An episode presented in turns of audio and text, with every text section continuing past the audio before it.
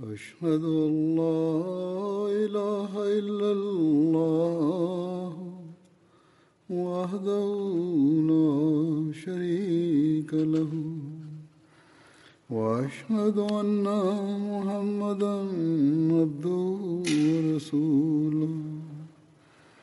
أما بعد فأعوذ بالله من الشيطان الرجيم. بسم الله الرحمن الرحيم. الحمد لله رب العالمين. الرحمن الرحيم. مالك يوم الدين. إياك نعبد وإياك نستعين. اهدنا الصراط المستقيم. صراط الذين أنعمت عليهم. غير المغضوب عليهم ولا الضالين.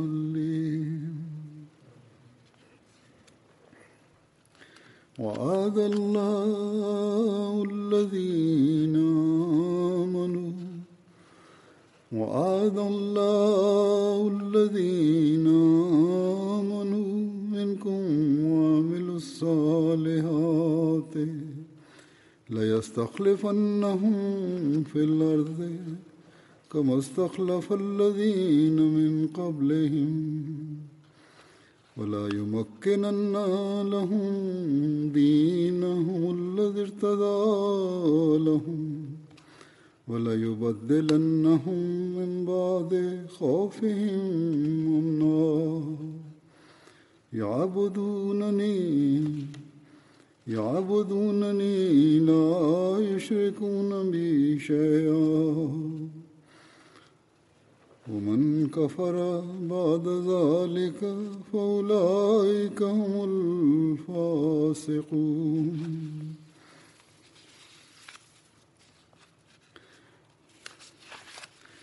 وأقيموا الصلاة وأقيموا الصلاة وآتوا الزكاة وأطيعوا الرسول. لعلكم ترحمون.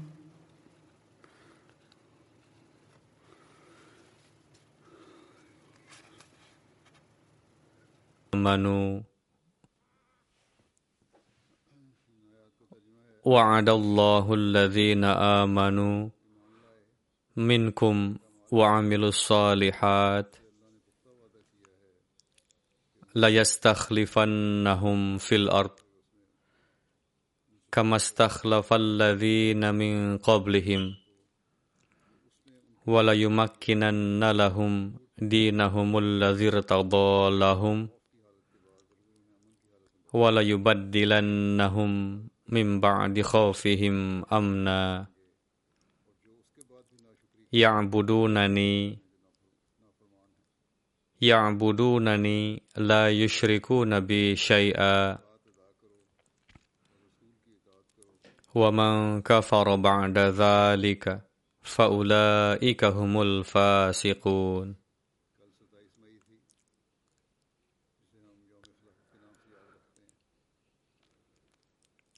وأقيموا الصلاة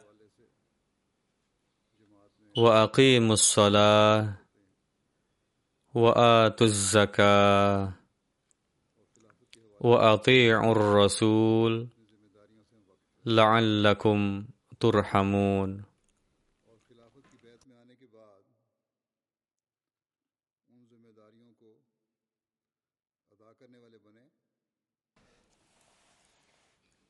Artinya,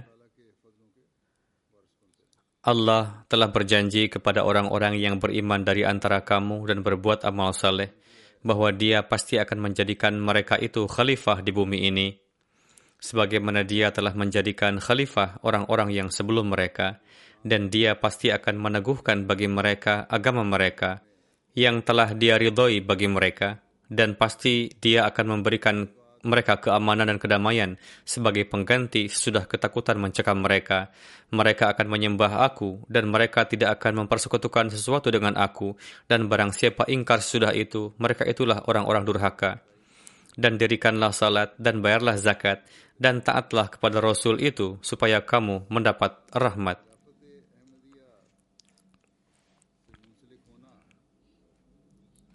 Kemarin tanggal 27 Mei kita mengenangnya dengan sebutan Hari Khilafat. Pada Hari Khilafat biasa diadakan acara-acara pertemuan di dalam jemaat supaya kita dapat mengenal sejarah jemaat dan tanggung jawab setiap individu dalam kaitannya dengan khilafat. Setelah bayat kepada khilafat, kita dapat memenuhi tanggung jawab itu sehingga senantiasa menjadi pewaris karunia Allah Ta'ala. Berkat ihsan Allah Ta'ala, kita telah beriman kepada utusan Allah Ta'ala di zaman ini yang telah diutusnya untuk mengajarkan ajaran Islam yang hakiki kepada kita. Setelah itu, kita bayat kepada khilafat agar dapat menerapkan bagi diri sendiri ajaran yang telah disampaikan kepada kita oleh Hadrat Masih Maud alaihi untuk selanjutnya menyebarkannya ke seluruh dunia. Alhasil, keterikatan dengan khilafat Ahmadiyah menuntut tanggung jawab besar dari setiap Ahmadi. Jika kita berhasil memenuhi tanggung jawab tersebut, baru kita dapat memenuhi hak ihsan yang telah dianugerahkan Allah Ta'ala kepada kita. Ayat-ayat yang saya tilawatkan barusan,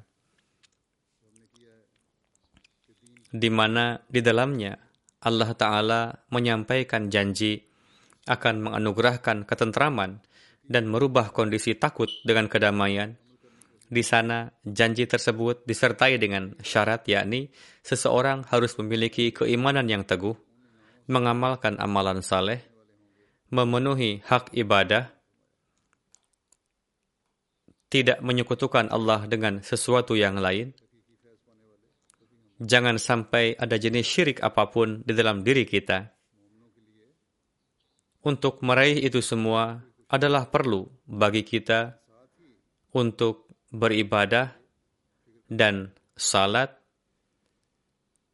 sesuai dengan yang diajarkan oleh Allah Ta'ala.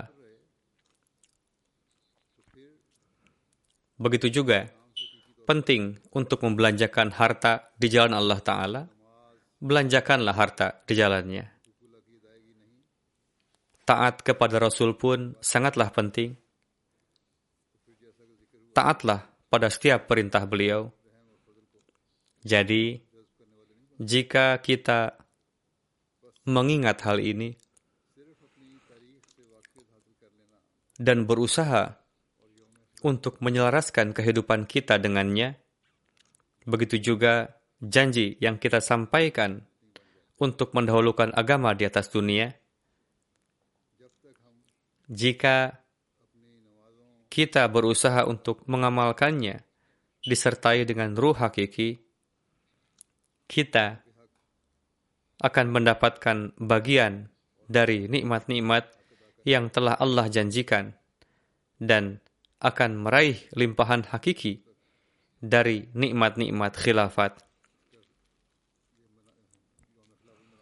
Alhasil, ayat ini memberikan kabar suka yang sangat besar bagi orang-orang mukmin. Namun, seiring dengan itu perlu untuk menjadikan bahan renungan bagi kita, karena jika kita tidak memenuhi persyaratannya, maka kita tidak akan dapat meraih nikmat tersebut secara hakiki jika seseorang tidak melakukan salat, membayar zakat, tidak memenuhi hak-hak Allah dan hambanya, seperti yang telah disebutkan tadi, kita tidak akan dapat menyerap rahmat dan karunia Allah Ta'ala. Jadi, meraih pengetahuan sejarah saja dan merayakan hari khilafat saja tidaklah cukup sebelum kita menjadi hamba yang hakiki. Menjaga salat-salat kita,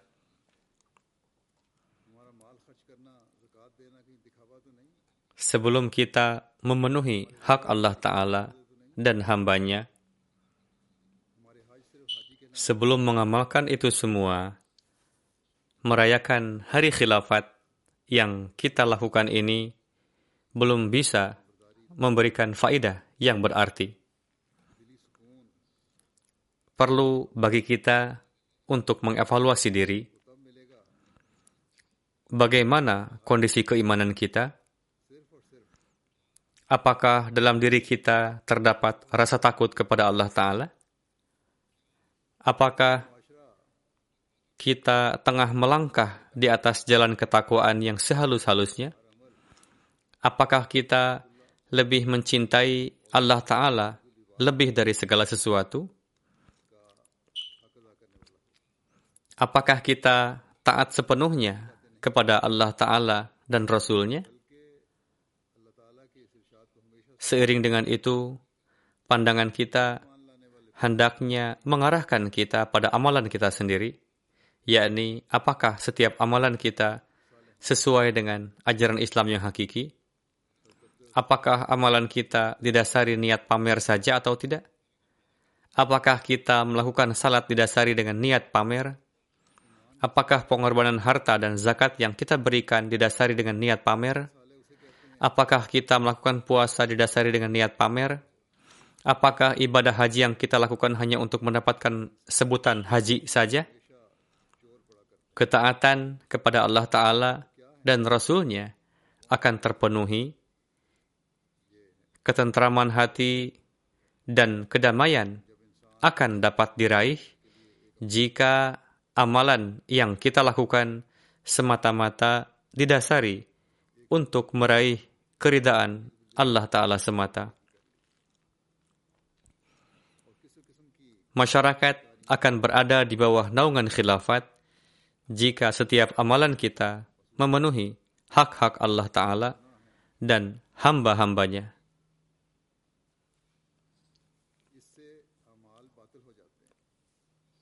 Janganlah hanya sebatas di lisan saja, melainkan harus memberikan perhatian sepenuhnya terhadap petunjuk Allah Ta'ala tersebut, yakni seorang mukmin akan dapat meraih limpahan keberkatan jika disertai dengan amalan saleh. Hadrat Akdas Masih Maud salam bersabda, dalam Al-Quran, Allah Ta'ala menggandengkan keimanan dengan amalan saleh. Amalan saleh adalah suatu amalan yang di dalamnya tidak terdapat kefasadan atau kerusakan, walaupun sebesar zarah. Ingatlah, amalan manusia senantiasa diincar oleh pencuri. Apakah pencuri itu?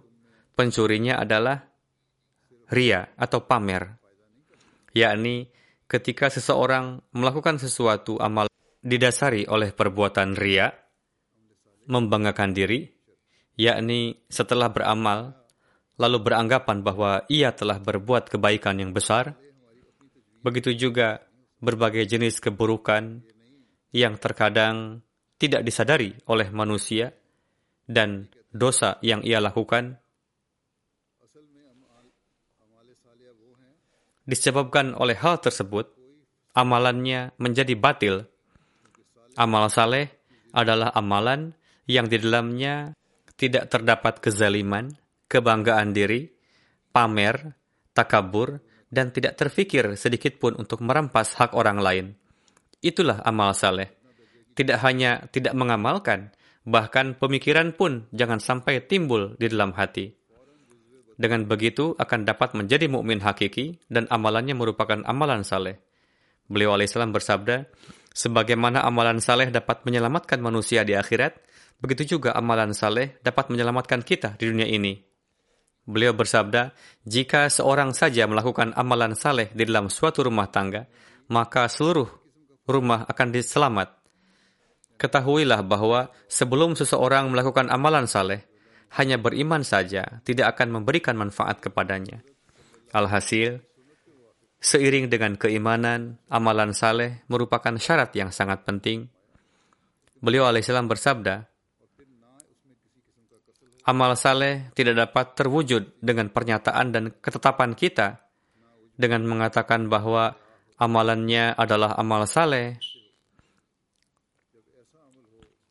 Sebenarnya, amal saleh adalah amalan yang di dalamnya tidak terdapat jenis kefasadan apa pun. Karena saleh sendiri merupakan kebalikan dari kefasadan. Sebagaimana makanan akan dikatakan tayyib jika makanan tersebut tidak mentah, tidak juga terlampau matang, dan tidak juga memiliki kualitas yang rendah. Melainkan akan menjadi bagian dari tubuh manusia. Makanan yang tayyib adalah yang di dalamnya tidak terdapat kekurangan apa pun.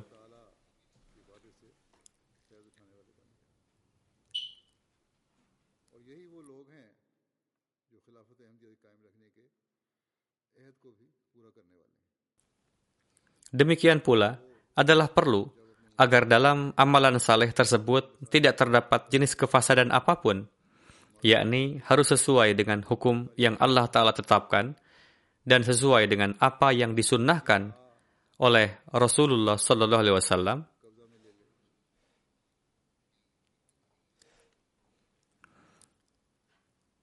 Di dalamnya tidak dijumpai kemalasan,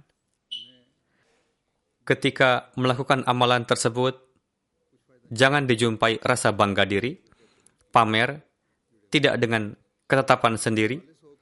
Jika sudah memenuhi syarat tersebut, maka itu merupakan amal saleh. Untuk itu, janganlah mengada-adakan ketetapan sendiri. Jangan menafsirkan sesukanya. Jangan mengatakan sesukanya bahwa yang dimaksud adalah ini dan itu. Melainkan, lakukanlah huruf demi huruf seperti yang diperintahkan oleh Allah dan Rasul-Nya.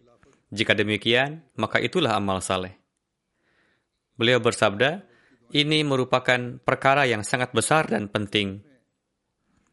Jika kondisi tersebut dapat diraih, maka yakinlah bahwa kita telah meraih limpahan keberkatan dari janji-janji Allah Ta'ala. Orang-orang seperti inilah yang memenuhi janji untuk menegakkan khilafat Ahmadiyah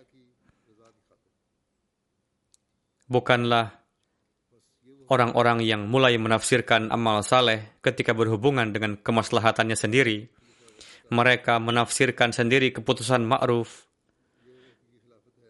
Kesombongannya telah menguasainya.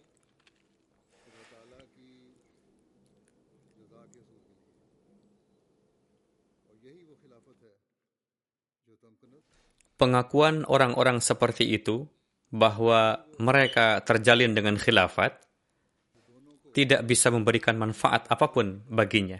Sekalipun mereka tetap mengatakan bahwa mereka terjalin dengan khilafat. Orang yang menjalin hubungan kesetiaan dengan khilafat dalam corak hakiki adalah mereka yang taat dengan segenap ketulusan kepada khilafat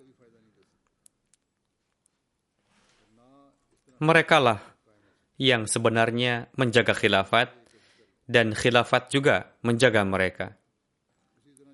Doa-doa yang dipanjatkan oleh khalifah akan menyertai mereka. Penderitaan yang mereka alami akan mengalihkan perhatian khilafat untuk mendoakannya. Merekalah yang melakukan amalan saleh, yang mana jalinan hubungannya dengan khilafat atau khilafat dengannya semata-mata untuk meraih keridaan Allah Ta'ala. Alhasil, inilah khilafat hakiki yang di dalamnya jalinan jemaat dengan khilafat semata-mata dilakukan untuk meraih keridaan Allah Ta'ala.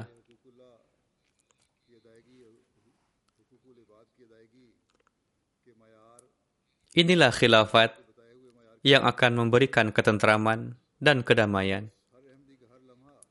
Inilah jalinan antara individu dengan khilafat yang akan menjadikan keduanya meraih karunia Allah Ta'ala.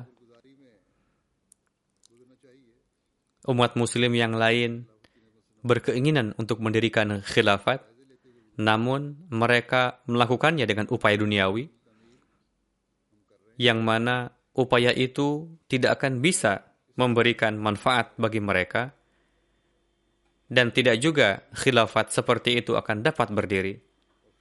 Seberapapun besarnya upaya yang mereka lakukan, khilafat akan berlangsung sesuai dengan ketetapan Allah Ta'ala.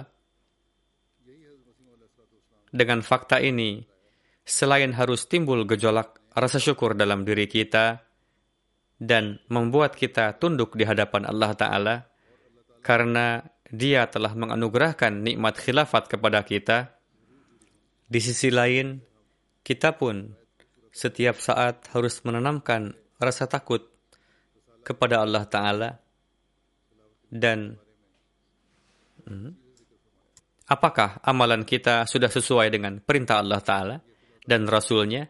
Apakah pemenuhan hukukullah dan hukukul ibad yang kita lakukan telah sesuai dengan standar yang Allah tetapkan ataukah belum? Jadi, di mana setiap Ahmadi hendaknya melewati hidup dengan rasa syukur kepada Allah Ta'ala yang telah menganugerahkan nikmat khilafat kepada kita.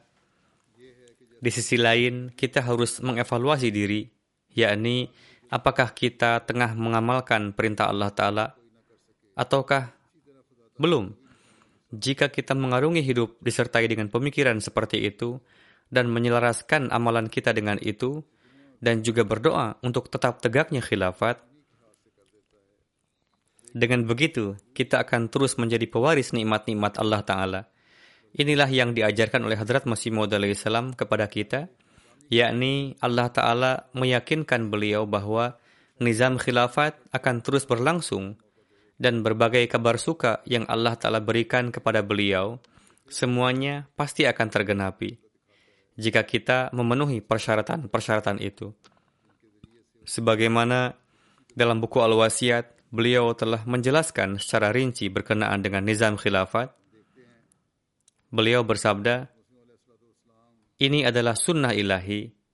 Semenjak dia menciptakan manusia di atas bumi ini, dia senantiasa memperlihatkan sunnah ilahi ini, yaitu dia selalu menolong nabi-nabinya dan rasul-rasulnya dan memberi kemenangan kepada mereka.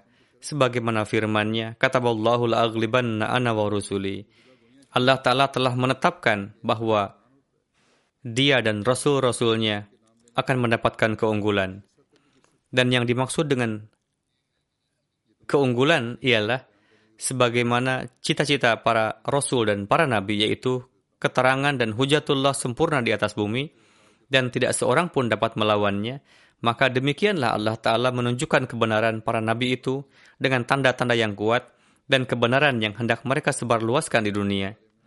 Dia membiarkan tangan mereka menanam benih kebenaran itu, akan tetapi dia tidak menumbuhkannya hingga berbuah sempurna di tangan mereka, melainkan dia mewafatkan mereka dalam kurun waktu tertentu yang secara lahiriah mengandung kecemasan seakan-akan misi ini gagal. Karenanya para penentang mendapatkan kesempatan untuk menertawakan, mengolok-olok, mencela, dan memaki para utusan Tuhan. Dan ketika para penentang itu telah puas mengolok-olok dan mentertawakan, maka barulah kemudian dia memperlihatkan kemahakuasaannya Lalu dia ciptakan sarana-sarana yang dengan perantaraannya, cita-cita yang terbengkalai tadi akan sampai kepada kesempurnaannya. Kita menyaksikan di mana kewafatan Hadrat Masih Maud salam telah menggetarkan para Ahmadi. Di sana para penentang jemaat merayakan kebahagiaannya. Ketika kewafatan beliau alaihissalam, mereka begitu rupa menyampaikan bulan kosong, sehingga dengan mendengarnya pun manusia akan merasa malu mereka melakukan hal-hal yang sia-sia sehingga manusia terheran-heran dibuatnya, yakni orang-orang yang menyebut nama Allah Ta'ala dan Rasulnya sampai begitu rupa jatuh dalam jurang amoral. tidaklah perlu bagi saya untuk menyebutkan semua ulah buruk mereka itu, namun akan saya sampaikan beberapa upaya mereka lainnya, yakni bagaimana mereka berusaha untuk menghancurkan jemaat pasca kewafatan Hadrat Masih Maud salam berkenaan dengan terpecah belahnya jemaat dan bagaimana mereka menyebarkan kabar dusta perihal murtadnya para Ahmadi. Misalnya, murid-murid pir jemaat Ali Shah mengatakan, pasca kewafatan Hadrat Masih Maud salam, Mirzai, yakni sebutan mereka untuk para Ahmadi, telah tobat dan bayat, yakni telah menyatakan keluar dari Ahmadiyah dan bergabung dengan mereka. Khawajah Hasan Nizami Sahib merayu para Ahmadi dengan mengatakan, sekarang buatlah pernyataan pengingkaran atas pendakwaan kemasihan dan kemahdian Mirza Sahib. Jika tidak, ada kekhawatiran tanpa keberadaan orang yang bijak dan figur pemimpin seperti Mirza Sahib, Jemaat Ahmadi tidak akan dapat lagi bertahan menghadapi penentangan para penentang dan akan tercerai-berai. Orang ini menyampaikan rayuan tersebut dengan gaya yang politis dan bahasa yang halus. Orang tersebut memiliki tabiat yang serius, meskipun nampaknya ia menyampaikan ajakan itu kepada para Ahmadi dengan penuh rasa simpatik, yakni sekarang Mirza Sahib telah wafat katanya, tidak ada lagi yang akan menjaga kalian, untuk itu tinggalkanlah Ahmadiyah dan bergabunglah bersama kami. Namun mereka tidak tahu bahwa mata mereka tidak dapat menyaksikan keagungan janji yang disampaikan oleh Allah Ta'ala kepada Hadrat Masih Maud salam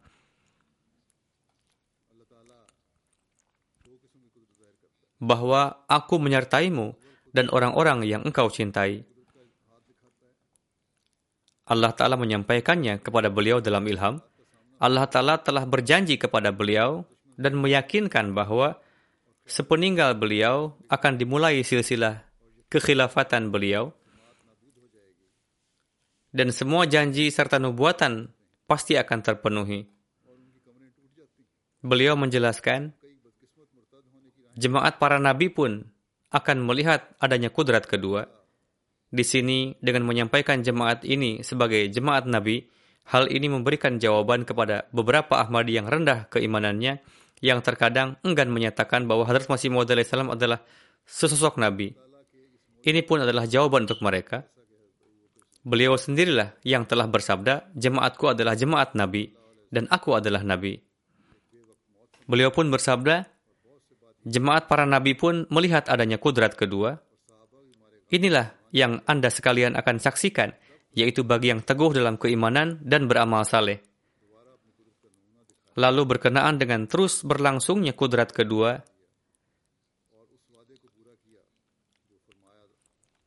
beliau alaihissalam bersabda, Alhasil, dia memperlihatkan dua macam kudrat. Pertama, dia memperlihatkan tangan kudratnya melalui para nabinya. Kedua, setelah kewafatan Nabi, di waktu menghadapi kesukaran-kesukaran, sedang musuh lagi berusaha sekuat tenaga dan menyangka bahwa sekarang usaha mereka telah gagal, dan mereka yakin bahwa sekarang jemaat ini akan hancur, sementara orang-orang dari kalangan jemaat pun merasa ragu dan mereka menjadi putus harapan, dan beberapa yang bernasib buruk di antaranya pun menyimpang ke arah kemurtadan, maka saat itulah Allah Ta'ala untuk kedua kalinya menunjukkan kudratnya yang amat kuat. Dan jemaat yang hampir akan roboh itu disambutnya kembali. Jadi, orang yang sabar sampai akhir, ia akan menyaksikan mukjizat Allah Ta'ala ini sebagaimana telah terjadi di waktu Hadrat Abu Bakar Siddiq radhiyallahu anhu ketika kewafatan Rasulullah dianggap sebagai bukanlah pada waktunya dan banyak sekali orang-orang di daerah pedalaman yang lantas menjadi murtad dan para sahabat pun menjadi hampir-hampir gila karena terlampau sedih maka pada waktu itulah Allah Ta'ala menegakkan Hadrat Abu Bakar Siddiq untuk memperlihatkan kudratnya untuk kedua kali. Dan Islam yang hampir-hampir akan tumbang itu ditopangnya kembali. Dan janji yang difirmankannya telah ditepatinya yaitu wala yumakkinanna lahum dinahumul ladzir lahum wala yubaddilannahum min ba'di khawfihim amna. Yakni kami pasti akan meneguhkan kembali langkah mereka setelah adanya ketakutan. Lalu beliau bersabda Sebab itu, wahai saudara-saudara, sebagaimana inilah sunnatullah sejak masa silam, bahwa Allah Ta'ala memperlihatkan dua kudratnya, supaya dia membinasakan kegembiraan-kegembiraan semu para musuhnya. Jadi, kini tidaklah mungkin Allah Ta'ala meninggalkan sunnahnya yang ada semenjak silam. Oleh karena itu, janganlah Anda sekalian merasa sedih dengan apa yang telah aku sampaikan di hadapanmu, dan janganlah hatimu dirundung kekhawatiran, karena haruslah bagimu untuk menyaksikan kudrat kedua itu. Kedatangannya pada kepadamu adalah membawa kebaikan, karena dia akan selamanya tinggal bersamamu, dan hingga kiamat silsilahnya tidak akan terputus. Kudrat kedua itu tak dapat datang sebelum aku pergi. Namun tatkala aku pergi, maka Tuhan akan mengirimkan kudrat kedua itu kepadamu. Dan ini dan ia akan tinggal bersamamu selama-lamanya, sebagaimana janji Allah Ta'ala dalam Barahin Ahmadiyah. Janji ini bukan untukku, melainkan untukmu. Seperti firman Tuhan, Aku akan memberi kepada jemaat ini, yaitu pengikut-pengikut engkau, kemenangan di atas golongan-golongan lain sampai hari kiamat maka dari itu pasti akan datang kepadamu hari perpisahanku, supaya sesudah itu akan datang hari yang merupakan hari janji kekal itu. Tuhan kita adalah Tuhan yang menepati janji, yang setia, dan yang benar. Dia akan memperlihatkan kepadamu segala apa yang sudah dijanjikannya. Meskipun masa ini adalah masa akhir dunia, serta banyak malapetaka akan tiba, tetapi pastilah dunia akan tetap berdiri sebelum segala hal yang dikabarkan Tuhan itu semua sempurna. Aku lahir sebagai suatu corak kudrat dari Tuhan. Aku adalah kudrat Tuhan yang berjasad. Kemudian sesudah aku akan ada lagi beberapa wujud yang akan menjadi penzahiran kudrat kedua. Sebab itu, senantiasalah Anda semua berhimpun seraya mendoa, menanti kudrat Tuhan yang kedua itu. Maka dari itu, sesuai dengan nubuatan Hadrat Masih Maud salam dan sesuai yang telah Allah Ta'ala janjikan kepada beliau, kita sekarang tengah menyaksikan bagaimana karunia Allah Ta'ala kata demi kata tengah sempurna semenjak 113 tahun silam. Mereka yang pada saat kewafatan Hadrat Masih Maud salam mengatakan bahwa kepala orang-orang Ahmadi telah terpotong dan kini tak ada lagi yang tersisa. Mereka mengatakan kepada para Ahmadi, tinggalkanlah Ahmadiyah, karena kini tak ada lagi yang dapat menjalankannya. Lalu tentang Hadrat Khalifatul Masih yang pertama, tertulis di surat kabar Kerzen Gazet, Kini apalagi yang tersisa pada jemaat Mirzai, kepalanya telah terputus, yaitu sesosok yang menjadi imam mereka. Ini ditulis setelah terpilihnya Hadrat Khalifatul Masih yang pertama. Seseorang yang kini menjadi imam mereka, tiada bedanya. Ia hanya akan menyampaikan daras Quran kepadamu di masjid. Namun, mereka yang tuna akal itu tidaklah tahu bahwa inilah pekerjaan mulia yang demi ini Hadrat Ibrahim alaihissalam telah mendoakan untuk kebangkitan satu rasul yang agung dari antara keturunannya. Inilah syariat mulia yang karenanya Rasulullah Sallallahu Alaihi Wasallam telah dibangkitkan.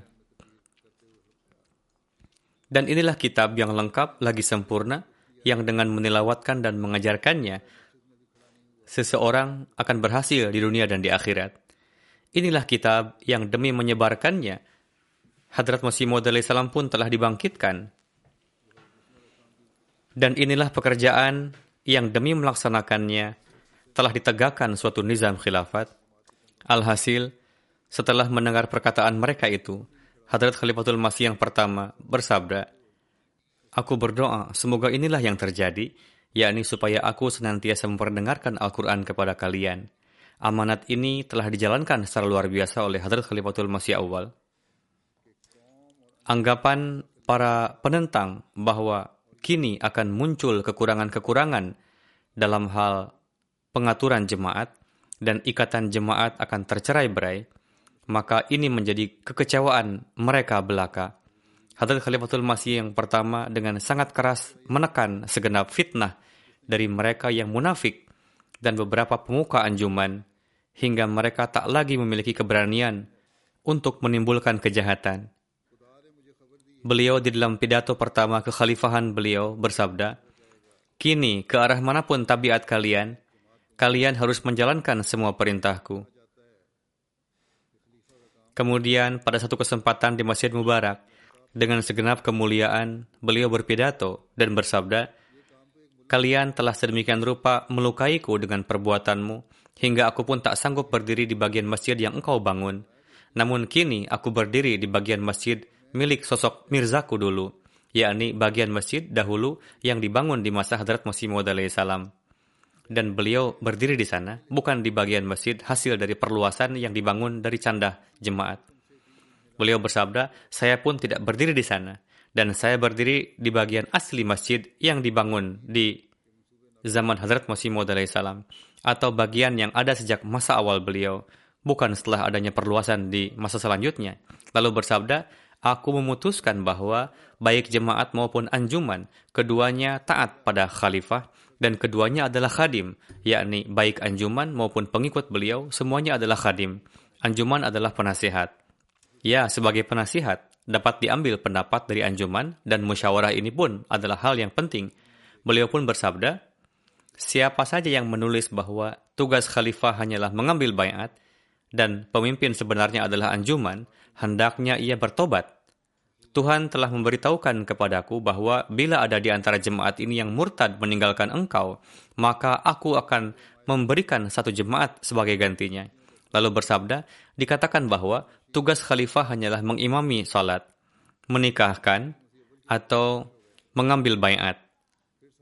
Padahal seorang mullah pun dapat melakukan pekerjaan ini. Dan apa gunanya khalifah? Sehingga tidaklah perlu ada khalifah bersabda, untuk pekerjaan itu tidaklah perlu ada khalifah, dan saya pun tidak ingin mengambil bayat yang semacam itu. Bayat yang sebenarnya adalah yang padanya ada ketaatan yang sempurna, yang di dalamnya tak ada satu perintah khalifah pun yang diabaikan. Pidato ini tidak hanya menggagalkan rencana-rencana orang-orang munafik, namun juga membungkam mulut para penentang dan kepada sosok yang orang-orang menganggapnya sebagai sosok tua dan lemah, maka tatkala ia berbicara dengan dukungan Allah Ta'ala, semua orang pun terduduk laksana buih, dan mereka yang memperolok pun menyembunyikan mulutnya. Orang-orang mukhlis jemaat memperbarui janji bayat mereka dengan, dengan semangat baru, dan dunia pun menyaksikan betapa jemaat semakin melaju ke arah kemajuan-kemajuan. Kemudian pada bulan Maret tahun 14 ketika Hadrat Khalifatul Masih awal wafat, saat itu pun muncul gejolak yang amat menggemparkan dalam jemaat. Para pemuka anjuman yang mereka menganggap dirinya sebagai penerus sebenarnya dari Hadrat Masih Maud salam dan mereka pun diam karena keberadaan Hadrat Khalifatul Masih awal. Pada akhirnya mereka pun menampakkan dirinya. Demikianlah orang-orang munafik pun lantas berupaya menampakkan dirinya. Namun tangan pertolongan dan dukungan Allah Ta'ala menjadi perantara untuk menopang kembali kedudukan khilafat sesuai dengan yang telah dijanjikan kepada Hadrat Masih Maud salam. Para petinggi anjuman khawatir jangan sampai Hadrat Mirza Bashiruddin Mahmud Ahmad terpilih menjadi khalifah selanjutnya. Oleh karena itulah mereka sangat berusaha supaya jangan ada sosok khalifah dan bagaimana agar perkara ini tersingkirkan meskipun untuk jangka waktu tertentu saja. Hadrat Mirza Bashiruddin Mahmud Ahmad dengan jelas bersabda, Khalifah harus tetap ada, dan dengan ini saya jelaskan bahwa saya tidaklah gemar untuk menjadi khalifah. Pilihlah siapa saja khalifah sesuai dengan keinginan kalian. Saya dan semua keluarga besar saya akan bayat padanya dengan kesungguhan hati. Namun mereka ini yang menganggap dirinya paling berilmu, dan mereka pun takut jangan sampai keputusan tidak memihak mereka, karena bukan mereka lah yang menginginkannya, yakni menginginkan khilafat, sehingga atas hal ini pun mereka tidak menerimanya. Hadrat Khalifatul Masih yang kedua, Hadrat Mirza Bashiruddin Mahmud Ahmad, ketika beliau bersabda bahwa beliau siap untuk berbaikat kepada siapa pun, sehingga tunjuklah seseorang untuk itu, dan bagaimanapun juga khalifah harus ada. Namun para penentang ini tidak menerima hal itu. Walhasil, sesuai dengan wasiat Hadrat Masih Maud salam, jemaat orang-orang mukmin berkumpul di Masjid Nur dan ada sekitar 2000 lebih jemaat saat itu di mana hampir semuanya telah memilih Hadrat Mirza Bashiruddin Mahmud Ahmad sebagai khalifah mereka. Dan saat itu semua orang berupaya saling maju dan mendekat untuk melakukan bayat. Mereka yang menyaksikan menulis bahwa seolah-olah malaikat menggiring semua orang untuk menunaikan bayat saat pemilihan khalifah Allah Ta'ala ini. Setelah melihat semua ini, kelompok anjuman yang beberapa orang itu pun ada di antaranya yang merupakan para petinggi anjuman pergi dari sana seraya mengambil semua perbendaharaan anjuman. Namun dunia menyaksikan betapa Allah Ta'ala telah menganugerahkan keteguhan kepada jemaat ini dengan perantaraan khilafat Ahmadiyah. Masa 52 tahun khilafat Hadrat Muslim Ma'ud anhu Khalifatul Masih kedua adalah sebagai bukti bahwa sosok pemuda yang di atas pundaknya Allah Ta'ala telah meletakkan tanggung jawab khilafat, betapa sosok tersebut telah membawa jemaat ini dengan sangat cepat menuju jenjang-jenjang kemajuan.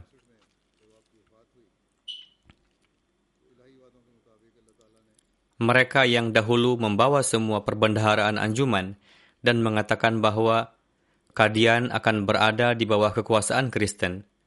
Sekarang segenap keturunan mereka tengah menyaksikan betapa dukungan-dukungan Allah Ta'ala kepada khilafat Ahmadiyah ini memperlihatkan bahwa dia menjadikan orang-orang Kristen itu bersatu di bawah bendera Al-Masih Muhammadi. Hadrat Muslim Ma'ud telah membuka misi di banyak sekali negara di dunia. Di Afrika, para misionaris Kristen tak sanggup berdiri menghadapi para mubalik Ahmadiyah. Pada akhirnya, mereka harus menerima bahwa Ahmadiyah adalah halangan terbesar mereka dalam penyebaran Kristen. Dan hal ini tertulis di dalam laporan-laporan mereka. Alhasil, kita menyaksikan bahwa baik dalam hal penyerangan terhadap kadian, atau di medan pertabligan, atau di peristiwa hijrah, pada setiap kesempatan, Sang Khalifah pemilik keteguhan hati yang luar biasa ini mengantarkan bahtera jemaat pada tonggak-tonggak kesuksesan dan menjaganya. Pada akhirnya, sesuai dengan takdir ilahi, ketika beliau wafat pada bulan November tahun 65, sesuai dengan janji-janji ilahi, Allah Ta'ala menegakkan kudrat yang ketiga. Kemudian seraya membawa jemaat dari ketakutan menuju pada keamanan, Allah Ta'ala menghimpun mereka di tangan Hadrat Mirza Nasir Ahmad, Khalifatul Masih yang ketiga, rahimahullah. Dan kemudian jemaat mulai melangkah pada tonggak-tonggak kemajuan.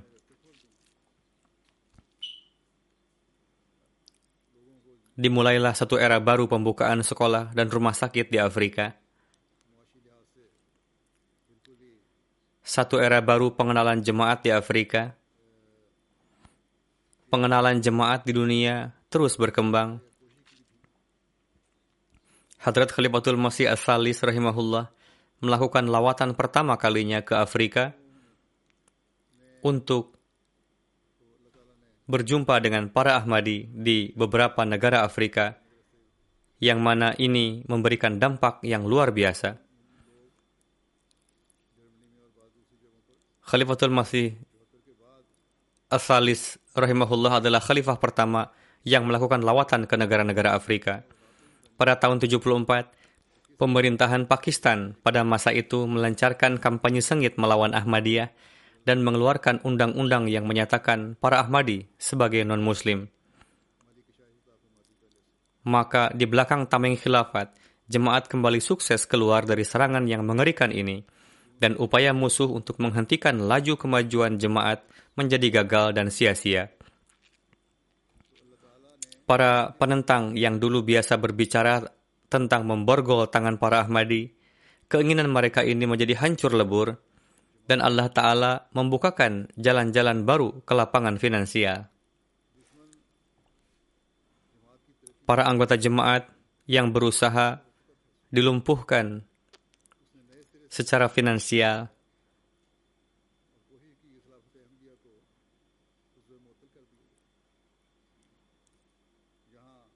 Allah Ta'ala juga memberikan kepada mereka kelapangan harta dan membukakan jalan keluar bagi mereka.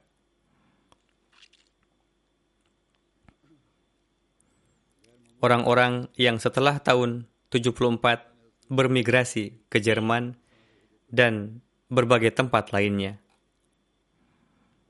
Dan mereka mendapatkan kelapangan harta.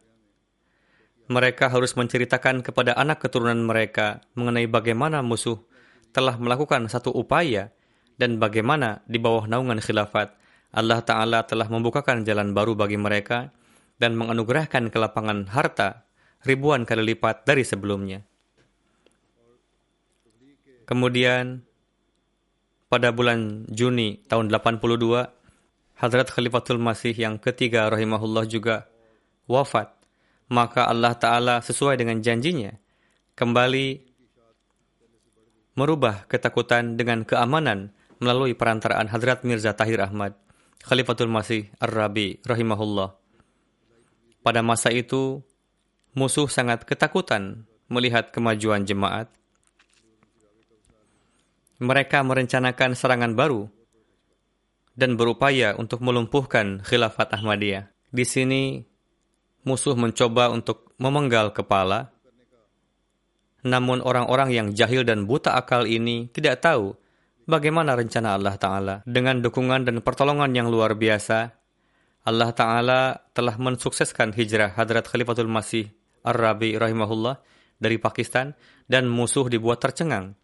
Kemudian setelah hijrah, di masa khilafat keempat, dimulai satu era baru kemajuan dan melalui satelit, pesan khalifah dan Islam sejati mulai sampai ke rumah-rumah para Ahmadi maupun gair Ahmadi dan ke setiap negeri. Sehingga terbuka jalan pertabligan baru. Tunas-tunas Ahmadiyah mulai tumbuh di berbagai negara dan ajaran Islam yang hakiki mulai tersebar penyebaran Al-Quran lebih masif dari sebelumnya dan mulai dilakukan penerjemahannya ke dalam bahasa-bahasa yang baru.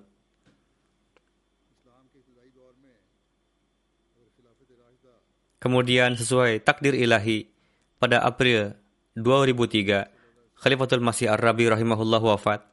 Ini menjadi satu pukulan besar bagi jemaat dan musuh beranggapan bahwa ini adalah satu kesempatan yang sangat baik untuk menghapuskan jemaat. Namun sebagaimana yang Allah Ta'ala sendiri telah janjikan kepada Hadrat Masih Maud salam, dia sekali lagi telah melindungi jemaat ini dan melindunginya sedemikian rupa sehingga para maulwi penentang pun mengatakan bahwa meskipun kami tidak mengakui kalian benar, namun kami menyaksikan bahwa bukti dukungan Allah Ta'ala bersama kalian, yakni jemaat Ahmadiyah. Namun meskipun mereka mengakui bahwa bukti dukungan Allah Ta'ala bersama kita, mereka tetap tidak siap untuk menerima. Allah Ta'ala telah mendengar doa-doa orang mukmin dan merubah ketakutan menjadi keamanan. Dan dalam sejarah Islam, melalui Hadrat Masih Maud salam, telah dimulai era khilafat yang kelima. Jika di masa awal Islam, khilafat Rashidah hanya terbatas sampai empat khilafat, maka itu adalah sesuai dengan nubuatan Hadrat Rasulullah Sallallahu Alaihi Wasallam. Dan sekarang era khilafat kelima yang dimulai dengan era Hadrat Masih Maud salam ini pun adalah sesuai dengan nubuatan Hadrat Rasulullah Sallallahu Alaihi Wasallam sebagaimana setelah pengutusan Hadrat Masih Maud salam telah dibuka bab baru dalam sejarah Islam maka Khilafat kelima pun adalah bagian dari ini. Para musuh beranggapan bahwa sekarang tampuk kepemimpinan jemaat tidaklah berada di tangan yang kuat. Namun mereka tidak mengetahui bahwa tangan sesungguhnya adalah tangan Allah Ta'ala yang memperkuat orang yang dia dukung dan yang bersamanya. Hari ini mata kedengkian para musuh sedang menyaksikan kemajuan jemaat lebih daripada sebelumnya. Pengenalan Islam dan manifestasinya di dunia pada setiap lapisan dan tingkatan begitu luar biasa di era ini. Saya adalah seorang insan yang lemah. Kemajuan yang tengah terjadi ini bukanlah karena suatu kelebihan saya. Pengenalan jemaat Ahmadiyah yang tengah berlangsung kepada para pemimpin pemerintahan dunia dan di gedung-gedung parlemen, ini semua terjadi semata-mata hanya dikarenakan karunia-karunia Allah Ta'ala dan janji-janji yang telah dia berikan kepada Hadrat Masih Maud salam. Ini semua terjadi sesuai dengan nubuatan Hadrat Rasulullah SAW. Setiap hari kita menyaksikan pemandangan karunia-karunia Allah Ta'ala, penyebaran Al-Quran, dan penerjemahan buku-buku Hadrat Masih Maud salam telah sangat meningkat. Dengan perantaraan MTA, pesan sejati Islam tengah sampai ke semua negara-negara di dunia. Sebelumnya hanya dalam satu bahasa dan satu channel saja. Namun kini ada delapan channel MTA yang sedang tayang di dunia. Di berbagai negara di dunia telah berdiri studio MTA yang mana dari sana terus disiarkan program-program MTA. Kini studio tidak hanya di satu tempat saja, bahkan telah berdiri di beberapa tempat. Memang tidak di setiap tempat, namun di beberapa tempat seperti di Afrika, Amerika Utara, dan Eropa juga. Jika kita melihat sumber daya kita, ini tidaklah mungkin. Pesan sejati Islam juga terus tersampaikan dengan perantaraan media sosial. Pemerintah Pakistan telah melarangnya dengan berbagai cara. Maka di negara-negara lain di dunia, Allah Ta'ala telah membukakan jalan lebih daripada sebelumnya. Kemudian Allah Ta'ala juga telah memberitahukan cara baru untuk meneguhkan hubungan dengan khilafat yang muncul dikarenakan wabah COVID ini. Dengan perantaraan mulakat online atau virtual mulakat, dengan perantaraan ini dilaksanakan juga meeting-meeting dan mulakat-mulakat yang dengannya terjalin rabta secara langsung dengan jemaat-jemaat dan orang-orang mendapatkan bimbingan langsung dari Khalifah Waqt. Saya duduk di London melakukan mulakat kadang dengan suatu negara di Afrika, kadang dengan Indonesia, kadang dengan Australia, kadang dengan Amerika. Ini semua adalah fenomena-fenomena dukungan Allah Ta'ala. Alhasil, kita hendaknya janganlah lupa bahwa karunia-karunia yang Allah Ta'ala telah perlihatkan dan nikmat-nikmat khilafat yang telah dia anugerahkan kepada kita, kita harus senantiasa menjadi orang-orang yang memenuhi haknya, supaya kita bisa terus mengambil faedah dari nikmat ini, hingga hari kiamat sesuai dengan nubuatan hadrat Rasulullah Sallallahu Alaihi Wasallam. Allah Taala memang telah menjanjikan kemajuan kepada hadrat Masih Maud salam dan Allah Taala tidak menyalahi janjinya. Namun untuk meraih faedah darinya, kita harus memberikan peranan kita. Seraya menjadi hamba yang bersyukur kepada Allah Ta'ala, kita harus tunduk di hadapannya. Dan kita perlu menzahirkan rasa syukur atas nikmat khilafat ini, baik melalui setiap perkataan maupun perbuatan kita. Untuk menunaikan janji ke ketaatan sempurna kepada khilafat, kita hendaknya senantiasa siap untuk melakukan segala pengorbanan. Barulah kita bisa menunaikan kewajiban menjadikan anak keturunan kita orang-orang yang mentaati khilafat hingga hari kiamat. Hadrat Masih Maud salam telah memberikan keyakinan untuk menjadi pewaris karunia-karunia Allah Ta'ala kepada mereka di antara kita yang seraya teguh dalam keimanan, juga senantiasa siap untuk memberikan segala pengorbanan. Beliau alaihissalam bersabda, Janganlah beranggapan bahwa Tuhan akan menyia-nyiakan kalian. Kalian adalah satu benih yang ditanam oleh tangan Tuhan di bumi. Benih ini akan tumbuh dan berkembang, dan cabang-cabangnya akan tumbuh dari setiap sisi, dan akan menjadi satu pohon yang besar. Jadi mubarak untuk mereka yang beriman kepada firman Tuhan dan tidak takut dengan musibah-musibah yang datang di pertengahan, karena datangnya bala musibah juga perlu, supaya Tuhan menguji kalian mengenai siapa yang tulus dalam pernyataan bayatnya dan siapa yang berdusta. Barang siapa yang tergelincir karena suatu musibah, sedikit pun ia tidak akan merugikan Tuhan dan kemalangan akan mengantarkannya ke jahanam. Jika saja ia tidak lahir, maka itu lebih baik untuknya. Namun semua orang yang bersabar hingga akhir, sedangkan guncangan bala bencana menimpa mereka, dan angin topan malapetaka menimpa mereka, dan bangsa-bangsa menertawakan dan mencemooh mereka, dan dunia menunjukkan kebencian yang hebat kepada mereka, pada akhirnya mereka akan meraih kemenangan dan pintu-pintu keberkatan akan dibukakan untuk mereka. Tuhan berfirman kepadaku, Aku mengumumkan kepada jemaatku, barang siapa yang beriman dengan keimanan yang tidak tercemari dengan keduniawian, dan keimanan itu tidak terkotori dengan kemunafikan dan kepengecutan, dan keimanan itu tidak luput dari satupun tingkatan ketaatan, orang yang seperti ini adalah orang-orang yang paling disukai Tuhan, dan Tuhan berfirman, mereka itulah orang-orang yang mana langkah mereka adalah langkah yang tulus. Kemudian beliau alaihissalam bersabda, Tuhan berfirman kepadaku bahwa bala bencana, bala bencana akan muncul dan beberapa malapetaka akan turun ke bumi.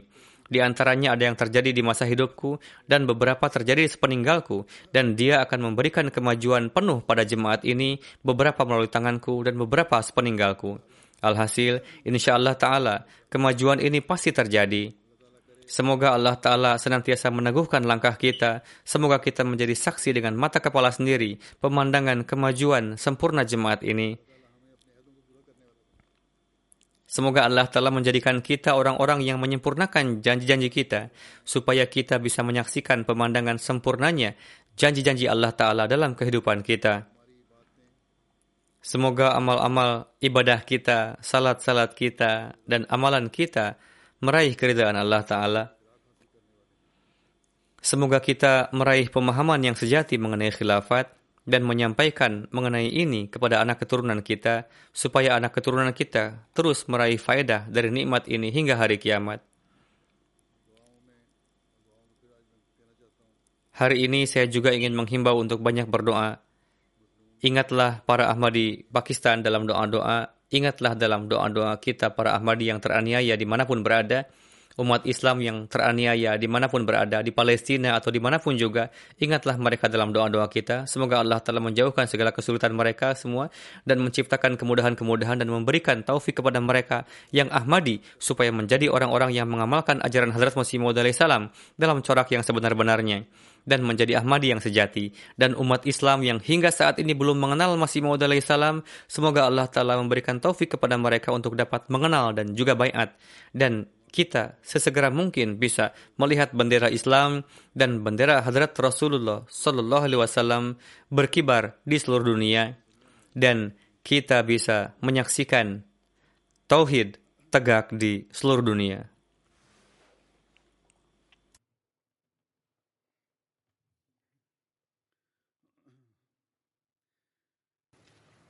Alhamdulillah الحمد لله نحمده ونستعينه ونستغفره ونؤمن به ونتوكل عليه ونعوذ بالله من شرور أنفسنا ومن سيئات أعمالنا.